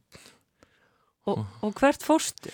Já, ég fór ansi við það ég tek ferjuna frá Seyðisfyrði og kem þarna á Jótland og byrja að keira eins um, ég er enda fór svona varlega í þetta því að fyrst fer ég til hérna Hollands og hitti þar alla fjölskylduna. Þau eru með þarna, búin að leiða ykkur bústað og var með þeim í nokkra daga og svo fer ég til Parísar og horfi þar á hérna, leik Íslands hérna, Frakland Ísland Já. á EM sem var meira áttar og var þá alveg umkrýndur vinnum og, og bræðuminnir tveir voru hann með mér. En svo svona eftir það þá tók við svona innveran og byrja, ágætt að byrja þarna í París. Þá fór ég aðeins að svona gera upp uh, þær tilfinningar sem voru að blunda í mér þar og þann tíma og, og hérna fekk aðeins að ganga þar um og gráta. Og svo fór ég bara og, og byrjaði bara að keira og hérna fór nú ekki betur en svo ég kerði út af í Ölpunum í Sviss endaði með hjólið á kvolvi og í skurði. Já, hér. en hérna ég slapp alveg en hjólið krambúleiraðist og ég þurfti að láta sækja mig upp í Alpa og þurfti að gera við hjólið og ég sæði engum heima nema svona nánustu vinum að ég hefði lendi í, í hérna óhappi, ég sæði pappa mínum alls ekki frá því. Nei. og hérna svo helt bara ferðalagi áfram og ég kerði bara helt áfram í Sviss og fór yfir til Fraklands, fór til Barcelona, kerði svo aftur söðu Frakland niður Ítalíu til Sigilei og svo tók ég ferju til Albaníu. Svartfjallaland kerði ég Króatíu. Og svo svona uppbyttir og heim og gegnum Þískaland, gegnum Danmörk og tók svo ferjuna heim til Íslands Mér finnst þetta alveg magna einn. Og, og hvar svafstu? Ég var yfirleitt í tjaldi Já, ég svona eftir að ég lendi í þessu óhappi sem að kostaði svolítið mikið pening þá tímdi ég eiginlega ekki neinu Nei. og, og tjaldaði bara og stundu svaf ég bara svaf einu svona í Fraklandi bara undir berum heimni á einhverju vínegru og, og var hérna og sögð mér bara pasta og havragröð á þessum svæðum það sem að er besti matur í heimi já. ég hefði nú aðeins geta splæst í það en hérna þetta var ferðalagið og ég var bara einn og ég var ekki með neitt í eirónum og það er svona uppgöti að ég svona hugleislu í fyrsta skipti. Ég hef aldrei getað hugleislu, ég hef oft reynda en ég er, hausinn minn er svo, svo upptekinn og, og svolítið það sem ég lærði þarna úti var að kannski þarna í hausnum á mér eru staðir sem að ég hérna, hef svolítið eitt orku í að forðast. Já, En þegar maður er á móturhjóli og ekki með neitt í eironum, maður er bara í lífsættu og rosalega núvitund að því maður er bara í, í lífsættu og maður þarf að halda aðtegli á veginum og því sem að ke- er að kera á mótið þér og í vegferði. Þá fer heilin að gera alls konar hluti og hann fór svolítið að svona sortera að því að ég hafði ekkert til þess að dreifa aðteglinni eins og maður hefur bara, þú veist, síma og vini og you name it. En þarna þá bara varði ég að sortera hausinn á mér og hausinn fór bara að gera það sjálfur. Og hérna og þarna var ég í bara fallegasta umhverfi sem ég hef nokkuð tíma verið keirandi um upplifa þvílík forréttindi í þessum heimi að gráta og bara grét inn í hjálminum og var á stöðum sem ég bara forðast að fara inn í haustum á mér. Og eftir því sem leið á þá var þetta alltaf öðuldar og öðuldar að fara í þessi horn og þessi skotin í hausnum mínum og fór bara að líða betur og hausinn minn fór bara að vera þægilegu staður að vera á og það voru engin horn eða skúmaskot sem ég var hrættur við eða hafiði ástæðu til þess að forðast næ. og e- eftir því sem leið á ferðalagi þá fór mér alltaf að líða miklu betur og betur Tráttur að vera aðleitt. Já, algjörlega og bara undir lokin þá langaði mig ekkert heim ég Nei. hefði getað haldið áfram bara En hvað var þetta langur tími? Ég var rétt tæpa tvo mánuði og kerði þarna 13.000 kilometra Vá. og fór nú er ég að ruggla þessum ferðum saman ég held ég að við fæði þarna 16 lönd Já, vá. í heldina Já, ég var eitthvað að googla þig og ég veit að þú ert búin að fara í ferðalög síðan Já, og hérna en ekki einn eða hvað? nei, ég, kærasta mín hefur komið með mér síðustu tvö sumur Já, hún heitir Harpa Hilmarsdóttir og er hún bara, situr hún aftan á? Hún situr aftan á er með alveg þvílíkt þólimóð ég gæti þetta ekki, situr svona lengi. Nei, en getur maður eitthvað að tala saman? Er Nei, við prófum það svona til þess að byrja með en, en hérna með svona eitthvað kerfi en við vorum fljóta að fleia því bara því að það er bara líka þú veist við erum svo nálægt hvort öðru það er bara ágætt að fá pásu. Já, að, já. veist, hvað erum við að ræða, þetta fjall er fallegt og við erum alveg sammála um það og það þarf ekki að ræða það. Nei, og þá kannski í staðinn þegar við stoppum þá höfum við eitthvað að ræða þannig að við fáum ekki alveg leið á hvort öðru nei, en við höfum farið núna tvö síðustu sumur uh, þá aðalega Evrópu, við fórum núna síðasta sumar fórum við til Marokko í 45 stiga hita vá, og í Og svo- leður galanum. Já, við erum reyndar ekki í leðri en erum bæði alveg svartklætt og vorum núna á svörtu götu hjóli Oh, en það var frábært, algjör svona áskorun sko. já.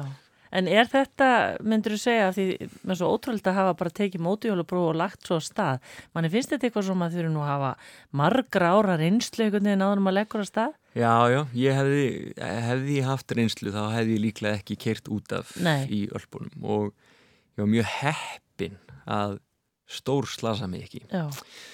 þannig að hérna En jú, ertu betri í dag? Ertu betri Já, nú? já, ég er mjög fær, ég verð að segja það því ég hef keirt samanlagt núna örgulega 40.000 kilometra á móturhjóli á fjórum árum þannig að, já, ég vil meina það, ég er honum skrambið fær Já, en, en ferðastu á milli hér á Íslandi á mótihjóli? eða? Já, þegar ég get, er svona, það eru þessir kannski 5-6 mánuður á ári Já, sem að maður nær því og þá reyni ég það sem mest sko. og fara þá eitthvað bara um landið eða? Já, ég reyndar alveg skammarlega lítið ferðast innanlands. Já, og hérna, það er eiginlega alveg út í hött en þú veist, þegar maður fær svona sumafrí þá er fristandi að fara út fyrir landsteinana Já. en það kemur að ég taki alvöru reysu hérna heima. Já, en ég er orðin svona, já, þetta er orðið stórt áhugamál, ég á núna þrjú mótorhjól. Já, já, þannig að það er bara ekkert annað sem kemst að. og hérna, ég bara þegar ég kemst í skúrin hjá pappa þá er ég bara eitthvað fyrkt í hjólum þar og eitthvað svona og ég, ef ykkur hefði sagt mér þetta fyrir tíu árum ég hefði aldrei trúið því til nokkuð tíman Og þetta passa kannski vel við leiklistina því að leikarar eiga, ef þeir eru ekki leika náttúrulega í bíómyndum og öðru slíku, þá er oft frí yfir sumari. Já, þannig að það nýtist mjög vel Já. Snorri, við verum að stoppa hér. Þetta er vera svo gaman að hafa því ég hef geta talað við miklu lengur en það er sem sagt, það eru tíu dagur í frumsýningu Já, en ertu búin að ákvæða hvað ætlar að gera í sumar? ætlar að fara eitthvað á móti hjólinu?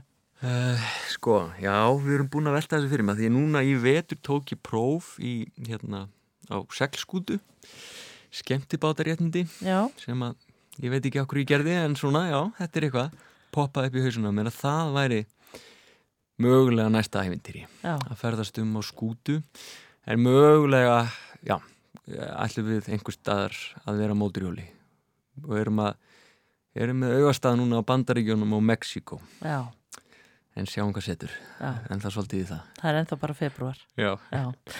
Gangi er vel í leiksýningunni þitt eigi leikrit takk fyrir og það verður spennandi að sjá hérna hvaða útgáfa verður vinsalust Já, og hérna bara í lífinu sjálfu og takk fyrir einlegnuna og takk fyrir komuna í sundarsögur. Snorri Engibertsson. takk fyrir kjalla